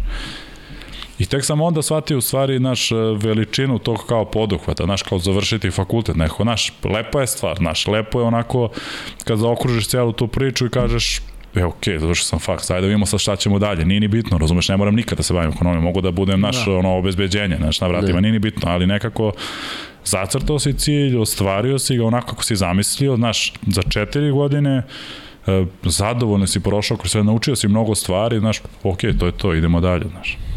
Znači student u roku, znači. Da, da, da, da. Ja sam ti ono štreber koji ti ne deluje kao štreber, znaš. Da, da, da, da. da. E, nisam puno, nisam ti onaj što uči, znaš, svaki dan i to kampanjac sam, ali sam išao na vežbe i predavanja. Mm -hmm. I mhm. mislim da mi je bilo mnogo lakše zato što sam dva puta slušao isto gradivo i onda kasnije samo pred kolokvim ispit obnovim i idemo dalje. Da, to je, mi smo danas uskrećeni za to, to treba da se kaže, mi što nećemo dati u roku. Ali stvarno, ta, ta predavanja online i ova korona da, i sve, bilo, baš, da, da, da, da, pa i dalje, sad skoro smo se vratili nešto, dve, tri nedelje pre kraja drugog semestra smo se vratili nešto uživo. Nije to to, nije isti doželj kao kad ideš na fakultet i... Pa da, drugačije, ovo je ipak pa, da. obavezno, znaš, ja sam morao fizički da budem prisutan negde, da e, ustanem ujutru u 7, ti ovako, znaš, usto, ne usto, može leći krmeljiv iz kreveta, znaš, da. mislim, ono, totalno neki drugi, drugi Upališ Zoom, zaspeš, vidimo da, da. se. To, pa je. Pa da. A koliko ti je sport značio kao izumni ventil od tih nekih, ono, od, od učenja, na primjer, ono, kad imaš neki ispit bitan, pošto kažeš da si kampanja, sedneš, učiš, učiš, učiš i onda na ragbi odiš. E, znači mi dosta. Jedino gde su ljudi mogli da me vide kad su ispitni rokovi na ekonomskom fakultetu, to, je, to su ragbi teretana. Znači to je to. Nigde nisam izlazio, ustanem ujutro, učim, onda odem u 12 u teretanu, vratim se kući, učim, odem u 6 na ragbi, vratim se kući, učim, legnem da spavam, ustanem, učim i to je to. I tako ti traje otprilike 20 dana, no koliko da. oni spakuju ispite, znam da su I kad sam ja bio klinac, ono znali da ih pakuju nešto tipa dan za danom i ono, znaš, da, onda mi je pakuju, bilo pakuju. Da, i onda mi je bilo pakao jer meni je jako teško bilo da učim uh, uporedo dva predmeta. I onda sam uglavnom naš ono učio jedan, pa onda ako imam, na primjer, dan do sledećeg, onda taj dan poginem, tipa 24 sata, ono, čitam, učim nešto, ono, pa izlazim i kao, ajde da vidimo šta je. A na kraju sam uvijek dobio ocen od prilike koje sam i, koje sam i očekivao, ono što sam i znao. Da. Može dva, tri ispita su varirala. Negde sam prošao bolje, negde loše i to je na kraju to. Da li je bilo, da li je bilo u Survivoru možda te priče o ekonomiji sa nekim i da li ste pričali tako ono, situaciji u svijetu, da kažemo, i tako, tako rečemo? E, Pa možda na početku situacije u svetu. Inače, pričali smo dosta o ekonomiji zato što opet ja sam neki čovjek ono koji je u biznisu već ne znam, 8, 9, 10 godina, znaš, radim od, od kad sam klinac nekako, ja sam i tada bio onako kao mali preduzetnik, znaš, ono kao deću šta ću da uštedim, gde ću da kupim ovo pa da zaradim i tako dalje i onda, ali da kažeš ovo kao malo ozbiljnije biznis, možda 7, 8 godina, I, I onda sam dosta pričao sa ljudima koji možda nisu iz biznisa da bi im objasnio neke stvari šta, šta je možda e, njihova prednost, šta je mana, gde, u kom smeru treba da idu, e, koje su neke bitne stvari i tako dalje. Tako da, znaš, ja sam ti uvek, ja uvek pričam o biznisu, znaš, gde god da sam, da li u Survivoru ili ovde, znaš, jebi ga takav sam, znaš. da li ima ljudi tako, nek, nekih Survivora koji imaju neke ambicije da, da pokreću nešto svoje i, i slično? Ima li zapravo neko da, da se još bavi nekim biznisom? Ja mislim da ne. Mislim da nema. Ja, Ramiz ima frizerski salon, mislim i to je neka vrsta da, biznisa. Da, da, da, da. Kao da uh, Pa pazi, svi hoće da se bavi biznisom. Samo je pitanje ko će da napravi taj prvi korak, znaš. Ali kada pričaš sa ljudima, znači svako ima neku svoju ideju. Evo, izađe na ulicu, sad pitaj koga hoćeš, znači svako će ti reći ima ideju. E, ja sam mislio da napravi najbolji hleb na svetu. Znaš, ono kao, ali nije ni napravio ko ne zna ni od čega se pravi, znaš. Da. Ali, ali svi hoće da se bavi biznisom, znaš. Samo je pitanje ko se stvarno bavi, znaš. Jer opet treba napraviti taj, treba imati hrabrosti da napraviš taj prvi korak. Jer ovako pametovanje sa strane, kao i za Survivor, znaš, tako ti isto i u poslu, znaš, to je meni ono, milion puta sam imao te situacije kao što ne uradiš ovo, daj ovo, izmeni ovo, ubaci ovo, znaš. Ja sam uvek otvoren za to, ja kažem ok, ovako, znači ja tebi dam sad mesec dana, ti mi kažeš šta bi ti uradio sa tljašom. Sve to uradimo, na kraju dođemo, podvučemo crtu, vidimo ako sam u minusu, na primjer, 2000 eura, ti plati tih 2000 eura, ako smo u plusu, ti uzmi sve. E? Jer onda te kad imaš odgovornost i kad može da snosiš posledice, e onda je to pitanje naš koliko smo spremni u stvari da rizikamo. A ovako da pametujemo to naš lagano. A šta je poručiti ljudima koji se plaše da, preuzmu, da preuzmu prvi korak? Da se ne plaše. pa, znaš šta, e, nema ko, nikom to nije lako, znaš. Niko nije, ne može niko da mi kaže da je sad kao došao i ne znam sad, čime god da se kao lako je Novako Đokoviću kao uzao reket, pogodio lopticu, ma temo da, lako. Malo u bazenu trenirao i kao da... Da, znaš, nije, to je čak i na, možda najmanje bitna stavka, razumeš, koliko puta si ti pao, znaš, koliko puta je on izgubio da bi na kraju pobedio i opet izgubi, znaš, ti sad, na primjer, napraviš neki mali životni uspeh i sad ti misliš ti si sad veliki, ti si, evo me, stižem, sad sa novi cepter, ovo, ono, znaš, i onda napraviš tri, četiri greške neke I sad treba tu ostati čvrst i reći, je, ok, ne, ne, ne, kao, ok, naučio sam, sad neću to da ponovim, idemo sad peti put, probamo, pa da vidimo šta će da, i naš, i to moraš konstantno da radiš, tu nema e, stajanja, sad kao ja, je kao sad bavio se biznisom 7 godina, sad je super, kao aj sad ću da ga pustim, znaš, ono, kao nema tu puštanja, znaš, ti ako voliš biznis, ti ćeš da uđeš u nešto sledeće ili ćeš da e, taj tvoj postojeći probati da promeniš da tebi bude interesantno, jer to je ono što te vuče, znaš, tebe Kogod kaže da ga vuku pare, znaš, mislim da je promašio možda koncept, e, koncept biznisa, znaš, to su ti neke usputne stvari, ali mislim da je ono što, što me vuče, taj moment da ja moram da napredujem, ta nesigurnost, znaš, kao šta, mhm. gde, kako, onda ponudiš nešto novo, testiraš, e, znaš, nekako nisi, nisi siguran ni u jednom trenutku. Možeš ti da napraviš to da bude kao, ok, sad si sigurniji nego što si bio možda na početku, ali e, taj moment za, za nekom inovacijom, za nečim novim, za ono, to je nešto što te pokreće, znaš, pravljenje većeg brenda, znaš, uvek možda nađeš neki, neki novi cilj. Da. Da. Da, je ta želja za stalnim napredovanjem i usavršavanjem. Da, znaš, moraš, moraš da učiš ti, ti ako, ako ne učiš, mislim, zgazit ćete vreme, znaš, zgazit ćete ljudi, zgazit ćete sve, znaš, nekako meni je to uvek bilo ono, šta god radio, daj da probam sutra da budem bolji, daj da sedem s ljudima koji znaju bolje od mene da čujem nešto, znaš, kao što danas imaš milion podcasta i onda slušaš ljude koji su napravili da. neverovatne biznise i shvatiš u stvari Znaš, postoje neke zajedničke crte, znaš, čitaš autobiografije pa vidiš u smislu možeš da naučiš neku stvar, da, uvek je bolje kada ti to proživiš, ali nije loše ni slušati, znaš, ono kao možda ti dostane negde u podsvesti, pa ako ti dođeš u tu situaciju, u kao stani, neću to, kao, znaš. Da, ima ljudi koji su pre, tako gledali i slušali razne priče, onda su presekli i rekli, ma bre, to je to, počinjem sad, vidiš kako je mogo on, kako je mogo on. Čak si da. ti rekao da si, da si video od Ferdinand Knedli, kad si rekao kako, e. kako uspeo on, mogu i ja sa Pirinčem. Nisam baš rekao, znaš, kako uspeo on, mogu i ja, znaš, nisam to mislio, Dobar, ali da. sam bio zadivljen idejom i time šta su, šta su napravili od uh, tako glupog proizvoda, znaš. No. Na kraju se postavilo kao vrhunski, ali u tom trenutku ti kad kažeš nekome Knedla, znaš, kad kažeš, ne znam, moje babi, tvoje babi, nekome, kao, ma ko je Knedla, to 7 dinara, znaš, idemo ovo, ono, na kraju mhm. čovjek napravi imperiju na, na Knedlama, znaš, i stvarno treba skinuti kapu, ali onda je moment da treba naći nešto što može, ja sam uvijek gledao da, da, da ponudim neku inovaciju, znaš, ne da uzmem tako, jer ti sada možeš sve skoro da kopiraš, znaš, ti sada hoćeš u Srbiji da napraviš bilo šta, da. verovatno negde u svetu postoji već, i uzmi iskopira, to ti je najlakše, mislim, znaš, da. ali nije, mene to nikad nije radilo, znaš, neko mi to dosadno, znaš, da ja uzmem sada da kopiram, to može svako i onda meni to nije zanimljivo, ovako mi je bilo kao daj da smislim nešto drugo, ja mislim da u svetu ne postoji ovaj koncept sutlijaš bara. Znaš, ja sam negde u Njujorku video neki gde uzimaju sutlijaš na meru, onako pa ti stavljaju činjenicu, ali totalno drugačije od ovoga da. što je ovde.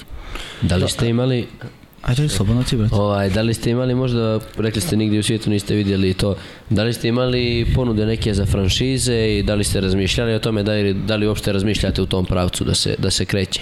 Pa imali smo ponudu za franšize, ali sam ja e, zbog drugih poslova koje sam radio ovde nisam bio toliko spreman da idem u inostranstvo da, da to postavim, jer mislim da barem tu prvu franšizu ako bi otvorili negde dalje, da bi morao da budem ja tamo prisutan barem tih 2, 3 meseca, 6, zavisi, znaš kako bi to išlo. I onda do sada nisam, e, nisam se osudio da, da napravim taj korak, ali od samog starta sam znao da da ćemo ići ka tome i mislim da Sutlijaš može da ide bolje u svim ovim evropskim zemljama koji su malo razvijeni nego u Srbiji. Jer mislim da je nekako oni imaju veću svest o tome šta je, šta je sam kvalitet i s druge strane šta znači zdrava, zdrava namirnica. Znači, mi opet koristimo, ja mislim, naj kvalitetne sastojke koje možemo da, da nabavimo ovde i od pirinča, od svežeg mleka do drugih stvari koji idu od džemova bez šećera, znaš, gomilu tih stvari koje su ono e, skuplje u nabavci, ali ja sam uvijek bio za to da, da taj kvalitet u stvari mora da, da izgura sam proizvod, da će kad tad ljudi nekako kroz dovoljno protok vremena i probanja u stvari da to da prepoznaju i nekako da nagrade, da nagrade kvalitet. Da, znaš šta sam te da te pitam, jel uh, u početku bila ideja da to bude kao hrana za sportiste, pošto si rekao da si počeo sa proteinom, pa si posle video kako se tržište, šta Da. traži tržište kod nas, pa si ubacio i Nutellu i... E, ja sam to mislio pola-pola, kao naš, ajde da guramo kao zdravu priču, ali ćemo ponuditi 5-6 ukusa koji su ono slatki, da, da ljudi mogu, koji vole slatko, da se zaslade, znaš. I onda me je tržište demantovalo da u stvari nema to što ja da se pitam, znaš. Daj ono ljudima što traže, znaš, ovo ostalo sve, možemo mi da u nedogled, ali e, nećemo praviti profit, nego ćemo samo da ubacujemo lovu, znaš. Tako da e, skapirao sam Može, po mi je trebalo, na dve godine. Brzo, znaš, kao nisam, e, nisam tvrdoglav, kao, znaš, nisam gurao mnogo svoje. I onda, onda sam shvatio u stvari da ljudi stvarno traže, znaš, dođe, dođe čovjek u radnju i pita šta je najslađe, znaš. Sad ti kao, ajde, okej, okay, jedan, znaš, on kao dođe. Onda dođu sledeći, kao, e, a šta je onako malo jače, kao, znaš, ne ovo voćno i to, pa onda, znaš, taj, pa treći, pa peti, pa 77. I ono kao daj bre, ono, na, sad ću da napravim neki ono najslađe na svetu. I ja napravim, na- čak i ti koji su slatki nisu na tom, na tom konceptu kao sad da guramo kilo šećera u sutlijaš, nego su sad, ok, imaš one kremove i sve to koji u sebi sadrže šećer, ali nije opet baš samo da trpamo beli. I, I onda smo bili kao, ok, ajde da napravimo, ne znam, dva neka koji su baš slatka. I mi napravimo to i vidiš ljudi, znaš, ono, polude za tim.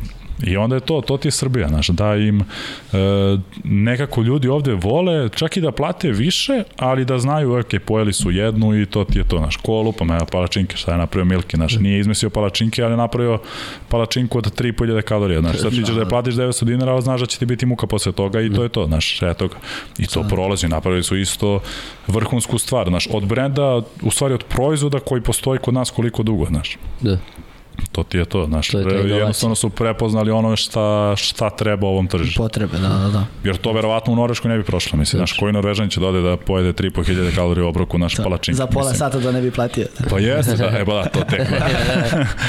mislim da, znaš, ne, nema to, ali to je jednostavno naše tržište za to, prodaj to i obogatit ćeš se. Da, vidimo kako te neke inovacije, neke stvari koje se čine jednostavne, koje postoje već godinama, ma i stotinama godina, tako i sutlijaši, i palačinke i sve, i, ali samo neka, dodati nešto, samo neku kao da staje, da kažemo, krunu, da se, da se doda kruna na to, da se da nešto što je neviđeno do sad i da to može da prođe. Pa jeste, da, naš, s druge strane, naš, kad pogledaš da taj specifičnost tržišta, kad neko napravi kao multinacionalnu kompaniju, koliko je to u stvari teško, znaš, jer to je prilagođavanje svakom tržištu po osob, znaš, imaš neka tržišta koje su slična, ali ti moraš da se prilagodiš tim ljudima, znaš, i koliko je to u stvari oz, ozbiljna mašinerija da, da ti napraviš taj kao multinacionalni brend, znaš. No ne, pa to se, to, baš smo to i pričali, ovaj, pominjali smo sa nekim od prethodnih gostiju kako se razlikuje, iako djeluje da je sve to, tipa evo Srbija, pa čak i u Beogradu i u Novom Sadu, tebi se razlikuje tržište, ti moraš da se prilagođavaš. A zamisli tek Leskovac i Beograd. Da, da, da. Tako Totalno da, neka druga priča, znaš. To. Koji su tlijaš da prodem u, znaš, na primer, Leskovac, lupio Da. sam Leskovac, ali... S lukom, znaš. Da, znaš, ali ti, ja, ja tamo kad mu donosi tlijaš za, ne znam, 340 dinara, Da. verovatno bi me kamenovali, znaš, ono, bili bi kao šta radi ovaj, znaš, ovo je budala, vidi ga, znaš, ono, šta je doneo, Tačno. znaš, tako da, ono, da vidimo. A kako sportisti reaguju na sutlijaš, jer ga konzumiraju? Znam da u teretanama u atletiksu može da se, da se nabavi ovaj sutlijaš pa, tvoj. iskreno lepo, znaš, lepo, lepo reaguju zato što nekako imaš zdravu poslasticu koja nije, nemaš te kao šećere koji su, mm -hmm. koji su nezdravi, imaš šećere iz voća koji mislim da svakome, svakome dobro dođu i te koji napravljaju, na primjer, taj proteinski, čokoproteinski, čoko veganski, veganski, znaš, to su ti sve ono sutljaše koji su, na primjer, do 300 kalorija po obroku, ima 200 i nešto grama sama porcija i onda ti nekako ono zasitite, a opet se ne osjećaš da si se prejeo, da ne znam, i ugasiti potrebu za, za slatkišima koji su možda nezdravi. Da.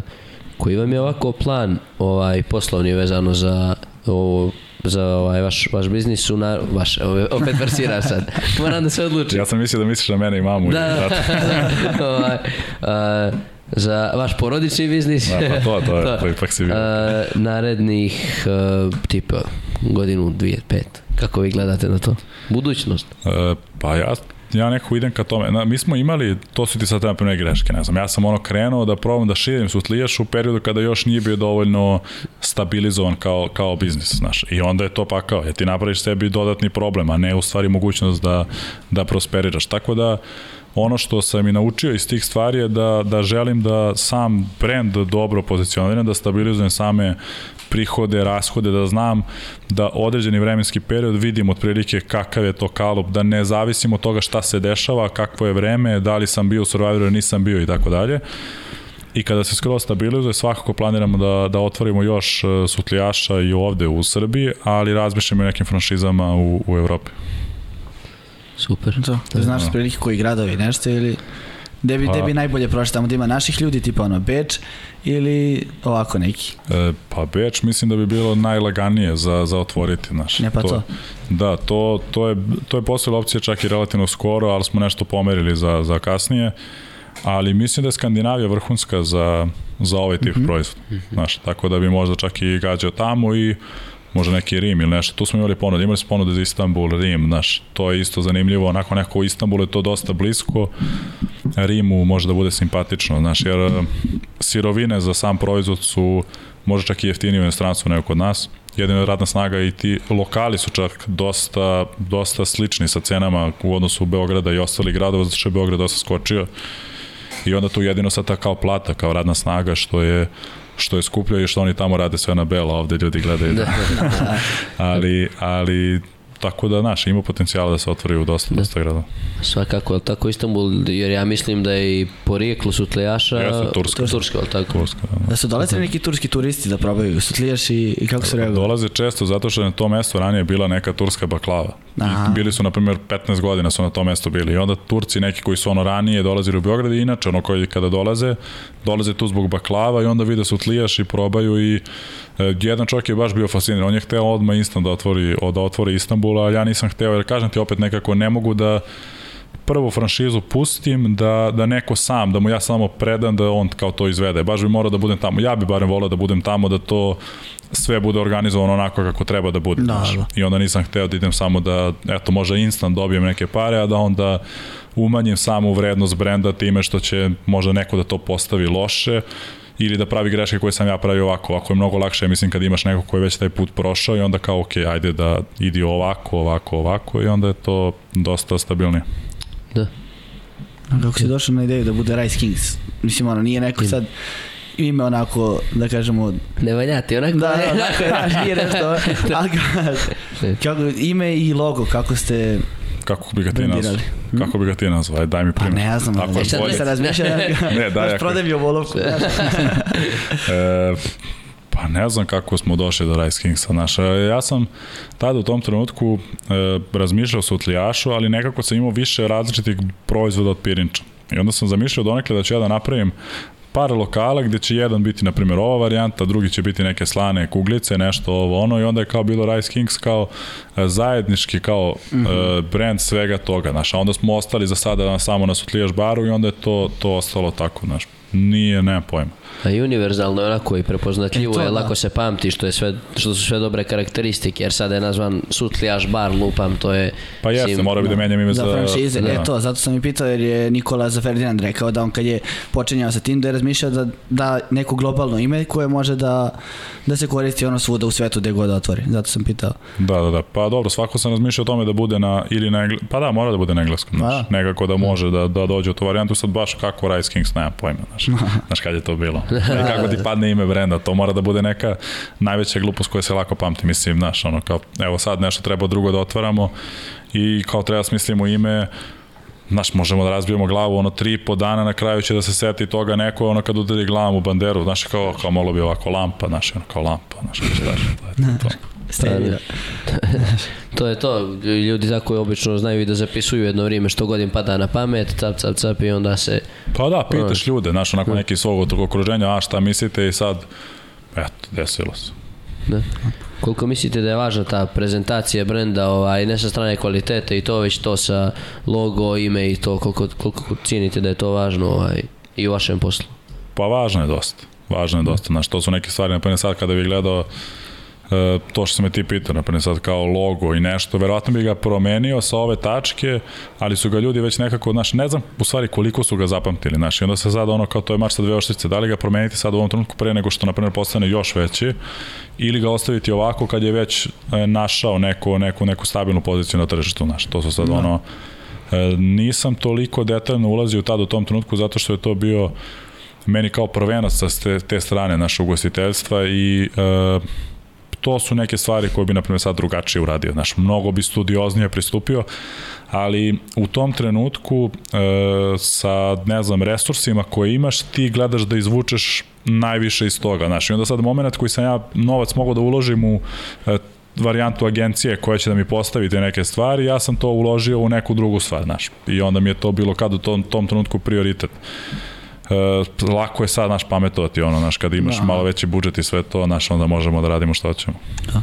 A kako organizuješ svoje vreme generalno pošto sad napravili smo koliko 4-5 stvari kojima se ti kao baviš ovako primarno, ništa nije, ništa ovaj nije ničime se ne vidi da baviš više, ničime manje, nego se nekako deluje da se skladno baviš sa svime. Kako organizuješ svoje vreme i kako generalno provodiš dan?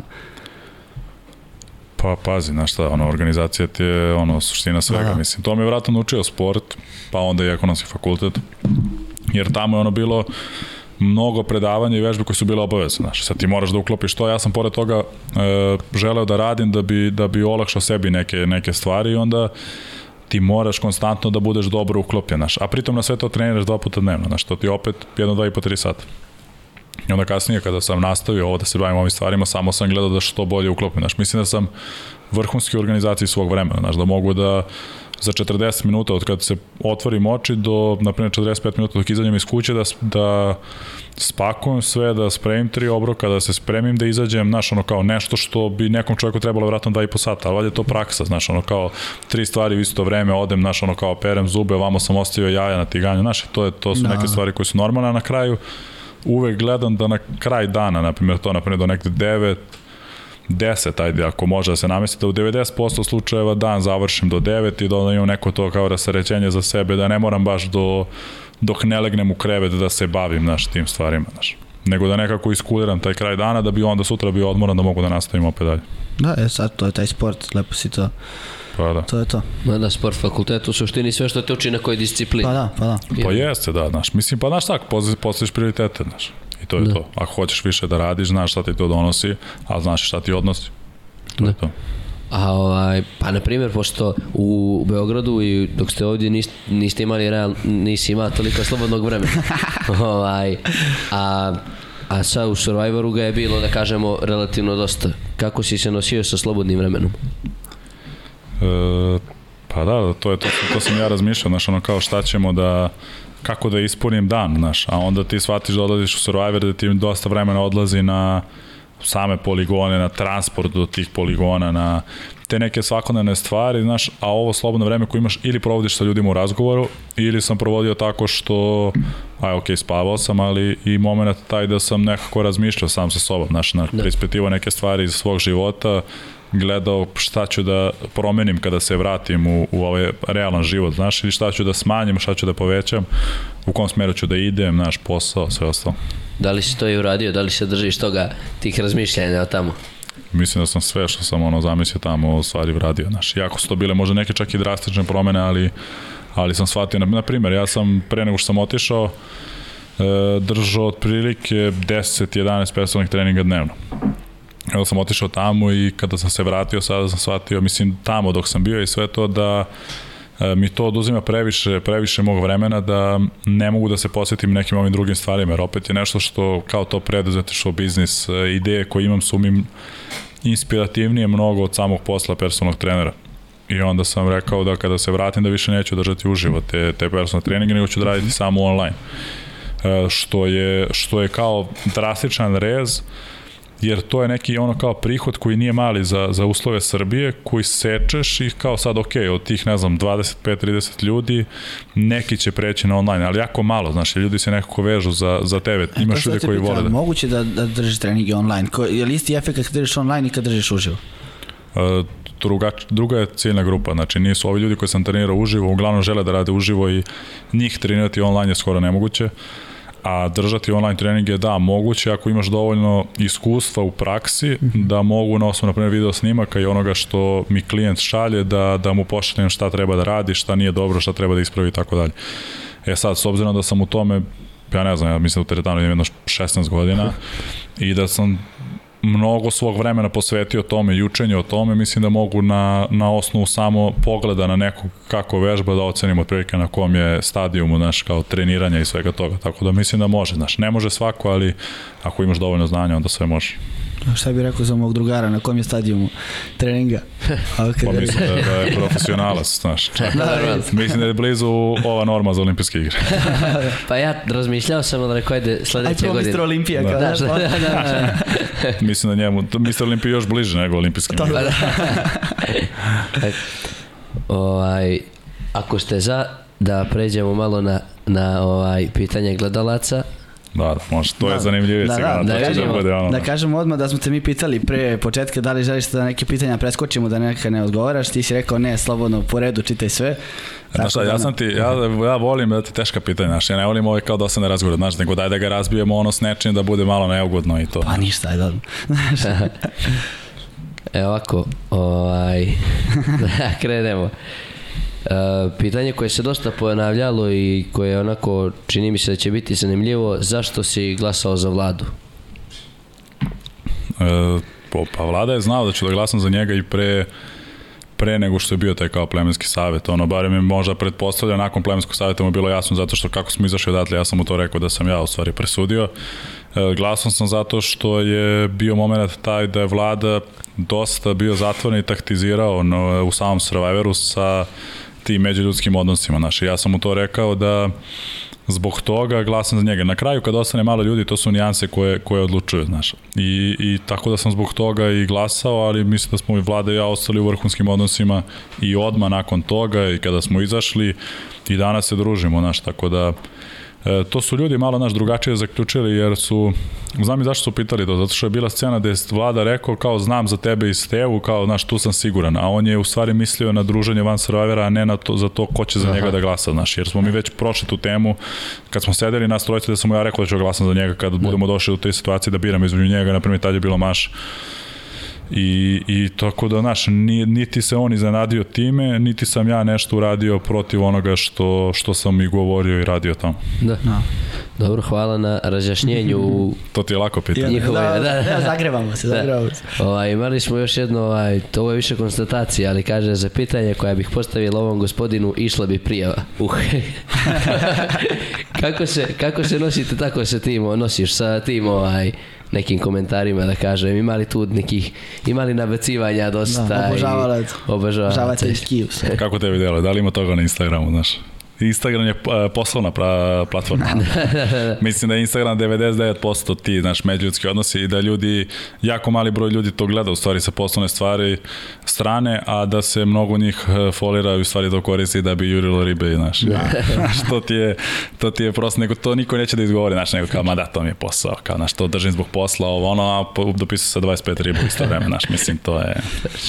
Da. Kako tvoja devojka reaguje na ove komentare ovakve i velikog interesovanja za tebe? Ja sam imao pet, po, pet bračnih ponuda u komentarima kad su videli da si ti gost. E, pa mislim da reaguje ok, zato što zna kakav sam lik naš i ono da tipa ja e, šanse da se desi tako nešto da ja radim te stvari su ja mislim stvarno naš ravne, Aha. ravne nuli. Neko možda da kažem ti ok, svi smo mi pravili greške neke kada smo bili mlađi i onda naučiš u stvari šta su, šta su prave vrednosti, šta je ono što, što vredi čuvati i ne vredi rizikovati, a šta je ono što u stvari nikad nije bilo tvoje, znaš. Da. Tako da, ne, ok, skoro, znaš. Mislim, lagan sam ja po tom pitanju, meni je to više smešno, ja se više zezam s tim stvarima nego što se stvarno nešto tu dešava, znaš. Da, da. Ništa ti ih samo proslijedi meni kad se tebi javi. ovaj, šta se sve dešavalo u Vili nakon što si ispao? A to me ne mogu da pričam. Šalim se. E, pa, znaš šta se dešava? Najviše hrana, jeli smo, znaš, konačno smo jeli onako dosta, družili smo se bez kamera, znaš, da može svako da priča ono totalno otvoreno svemu i da e, razmenimo iskustva, opet bazen, tuširanje, znaš, sve to ti je nekako totalno nenormalno, znaš, ti kad dođeš iz džungle, tamo moment tuširanja ti je fascinantan. Znači, to je nešto što ono, kao tuširao bi se 3 sata jer nisi imao priliku, znaš. Onda da. posle toga da kao siđeš dole imaš fri, pun frižider hrane, kao, znaš, kao šta jesti, ono, znaš, pa onda jedeš sve pomalo, ovo, ono, pa ti bude muka, pa idemo opet i sve. Ali svašta, znaš, ono, pa onda imaš mogućnost da pustiš muziku. Mm, na primjer, znaš, ti nisi čuo, ja nisam čuo muziku tamo, sem bila neka žurka ujedinjenja. Tako da svega, znaš, onako normalan život neki e, sa ljudima koje već poznaješ, tako da kao mini ekskurzija. Da, koja je ovako, pošto inspirisao si me sad te pitan, koja je prva pjesma koju si pustio kad si došao tamo? E, Mislim da sam prvo pustio krive ljude, zato što smo bili u tom žanru, mm -hmm. e, pa sam Doris Dragović krivi ljudi. Da, da, da. Ja. Zanimljiv izbor. Sa, sa, sa poukom, znaš. Da, da, da. Oj, koliko ste se držali principa najslabija karika, jer kaže, ipak je dosta dobrih takmičara ispalo prije mine, na primjer Ramiz i tako dalje. A dobro, znaš šta, to je najslabija karika, nije, nije nešto univerzalno pravilo da znamo kako je definisano. Ko, ko definišeš ko je najslabija karika? Znaš, ja ga, na primjer, definišem tako da e, je meni bitno kako se ta osoba ponaša u plemenu, kako živi, kako se odnosi prema drugim ljudima, da li je poštena, nije poštena, da li manipuliše folira i tako dalje. Neko drugi gleda kroz igre, znaš. I onda kad da. gledaš kroz igre, on gleda kroz igre, ja gledam ovako. Zato je i ta e, značaj tog glasanja veliki, jer, znaš, ono, kao ja ću da glasam za jednu osobu, ti ćeš totalno za neku diametralno suprotno da glasiš na kraju niko ne zna ko će da ispadne. Da. To bih vjerojatno rekao da onda odgovori na pitanje zašto se njemu, odnosno tebi nije zamjeralo to što nisi bio baš dobar u nekim igrama, vjerovatno jer si nadomještao vamo sa te strane koja je zapravo mnogo bila i važnija. Da. E, znaš kako, mi kad smo na kraju ono, naš, izvukli tu neku statistiku e, igara i svega toga, ja sam bio četvrti kao naš u plemenu, što znači da sam i završio četvrti, tako da nema šta, znaš, ne može niko da mi zameri, nego je moment bio taj što su oni napravili tu vešačku frku neku, e, nađa, Stevan, statistika, naš, ova neke gluposti i onda su ono ljudi klenuli mene da gledaju kao da sam ja otišao tamo, naš, sa, sa ne znam kakvim predispozicijama da pobedim, znaš, ti da, no, da malo uključiš mozak i vidiš da imam 120 kila, znači nije realno da ja budem na tim poligonima dominantan, s druge strane neke igre jednostavno nisam hteo da igram jer su mi bile ekstremno glupe. E, kad mi kažu prsa u prsa i mi obaramo, znaš, držimo ancer neki kao sad ko će kome da obori, ne smeš fizički da ga pipneš i to, znaš, meni su to gluposti. Znaš, da. Stvarno, ono, kao to dune vetar malo jače, on će da ga obori. Znaš, nije to, i onda je bilo, da sam igrao za statistiku, verovatno sam mogu da je popravim time što bi možda odlučnije ušao u igre, pogotovo u početku. Znaš, ja sam se tek na kraju ono kao probudio kad sam vidio da smo krenuli da gubimo, kad smo izgubili on 8-0. Kad si spustio onaj krik čuveni, ono. Znaš kad si se razdru kad si pobedio? Nas. Posle duže vremena. Ima bilo da to, baš su svi pričali kao ga novi Steva ne, koja igra bila, ne mogu da setim nešto i pobedio si baš rekao, tako je bre. A, moguće da, da, to je bilo tada, ja mislim Prike, to je druga da, da, posle toga, da, da, da. E, kada sam shvatio, ok, gubimo kao pleme, ne znam, izgubili smo 8-1, 8-0 i bio sam fazon, ok, moram se probudim, znaš, vidim da je ljudima da su pali ovo, ono i to je nešto što vučem iz sporta gde koliko god ja ne voleo te poligone, bili mi nezanimljivi, e, zbog drugih ljudi sam želeo, želeo da se iscijam i ono, tu si mogao da vidiš u stvari, znaš, kakav sam ja realno u poligonima, znaš, jer ona na početku nije, nije realna slika, znaš, jer ja totalno ih nisam doživljavao kao bitan faktor Survivora. Da. E pa to je vjerojatno i ovo ovaj, što, što sledeće pitanje ovaj, kaže koliko je to što se malo prikazuju događaje iz kampa uticalo na to da mi dobijemo neku drugu sliku o svemu što se tamo dešavalo. Da. Pa dobro, svakako dosta. Da. Svakako dosta. Naš, mislim da, da su ljudi mogli da gledaju dosta naš život, taj ne 24 sata, da su mogli da vide naš sve te neke kao bitne situacije, mislim da bi imali totalno drugačiju sliku o celom Survivoru. Ma da, generalno, ljudi sude na osnovu tih sati po vremena koliko vide kući, a vi ste tamo 24 sata dnevno. Pa jeste, da li na kraju, znaš, da baba ima točkove. Ono. Da. znači, ovaj, ovako da se zahvalimo telefonu i pitanjima sa Twittera, bilo ih je još, ali jede da, da, da ne čitamo baš sve. Da, da. da. Ima ono zanimljivo što se otpratio Nađu sa Instagrama. To je, pošto generalno mnogo je pitanja vezano za Nađu i kao za vaš odnos. Pa sve se vrti oko Nađu. Mislim da je cijel da, survivor baš je, baš su ga, ono... koncipiran kao ono, Nađin svet. Kao, naš, da. kao, ko je kakav s Nađem. Naš, Nađe je kao mali anđeo, a mi smo svi naš, napadamo ovo. Ono. Da. Tako da mislim da su to totalne gluposti. Da. Ne, ja sam te pitam, pričali smo o tom nekom pozitivnom marketingu ovaj, koji, za Rise Kings posle tvog učešća u Survivoru, jel se plašiš možda nekog negativnog PR-a zbog tih ono, komentara ljudi koji sude na osnovu tih sati po vremena?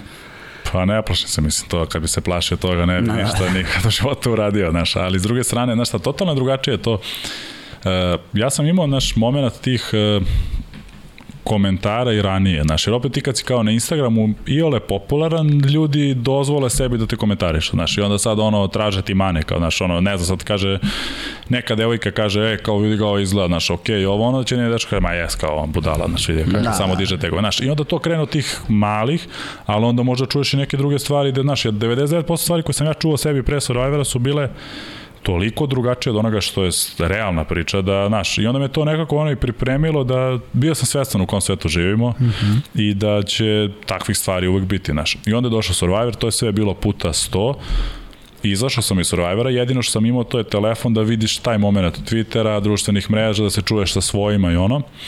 I ne može da kreiraš neku realnu sliku, znaš. I onda se vratim u Beograd i shvatim da je jedan svet na društvenim mrežama, a drugi svet na napolju, znaš, kad ideš na ulicu, kod odemo u teretanu, kod odemo u tržni centar ili bilo gde, znaš, tako da e, mislim da ti ljudi ne postoje, znaš. Ja, ja ne znam gde, ako postoje, znaš, nek mi kažu gde žive, evo ja ću da odem da pričam s njima, znaš, mislim, jer baš bukvalno nisam ok, ja ne odajem utisak lika kome ćeš baš ti da priđeš i da me kao vređaš, kao što me vređaš na, na društvenim mrežama ili pišeš takve gluposti, ali je moment taj da su to uvijek neki kao naš lažni profili, neke da, ono Mirke da. Nokti, nešto, naš, ono Gaga 357, ja, znaš, to ono, i sad kao ti se sad kao ono, ja, kao vidiš šta mi napisala, daj da se govorim, da. naš, mislim. Lepo je Tyson rekao da je Twitter mesto te ljudi iznose svoje mišljenja za, o drugim ljudima, a ne dobijaju udarac u lice za njih. Pa jeste, da, znaš, pa. tako da mislim da stvarno nema potreba da se time, time da, bavimo. I na kraju krajeva rekli smo da nisi dobio jedan glas za četvrt finala, to sigurno govori nešto o tome kakav si ti momak ovako, stvari. Pa verovatno da, naš, ali dobro, mislim, treba biti naš lagano, miran pa, sa sobom, pa ono, naš ljudi, ljudi će uvijek da pričaju, ljudi će uvijek da misle, naš drugačije, uvijek će misliti da mogu bolje od nekoga i ono, to je skroz ok, znaš. Pa mi sad imamo tipa 10 tenisera koji su bolje od Đokovića, sede samo po kućama, znaš, samo im treba da uzmu reket, pa, ali to je to. Znaš. I kad treba da se hvali, prvi su, ali kad treba da se da, da. kritikuje, da. tu su da. još prvi. A koliko bi, koliko bi rekao da su generalno učesnici Survivora pratili te hashtagove, tipa na Twitteru je bio hashtag Survivor Srbija i Survivor Hrvatska i ljudi su stvarno non stop komentarisali ovaj, o tome i baš je bilo, to je bilo, ja bih rekao, najaktivnije mjesto na kojem se Survivor komentarisao. Koliko mislite da je to uticalo i da, da li su, tačnije, da li su učesnici to pratili, naravno, nakon što su izašli? Pa mislim da je uticalo dosta i da su pratili dosta. Sam ti ja možda onako izdvojeni primer nekoga koga, ko je prisutan na društvenim mrežama dosta, a da, da me to ne zanima s te neke privatne strane da ulazim preduboko u to, znaš. E, kako bilo ranije, ono daj čovjeku moć da vidiš kakav je, a ovde ti je danas ono daj čovjeku pratioca da vidiš kakvi su, znaš. Da. Tako da, da e, mislim da će dosta njih, razumeš, ono kao da pokažu u stvari kakvi su neki u stvari da su možda kvalitetni, neki da su možda manje kvalitetni, da su spremni da urade svašta zbog tih, ne znam, 10, 20, 50 hiljada pratilaca, nije ni bitno, znaš, ono. Tako da mislim da dosta prate i da, da osluškuju situaciju i da se tome prilagođavaju neki od njih, a da je u stvari to jako pogrešna stvar, jer mislim da je karakter ono što gura ljude napred, a ne prilagođavanje. Tako je.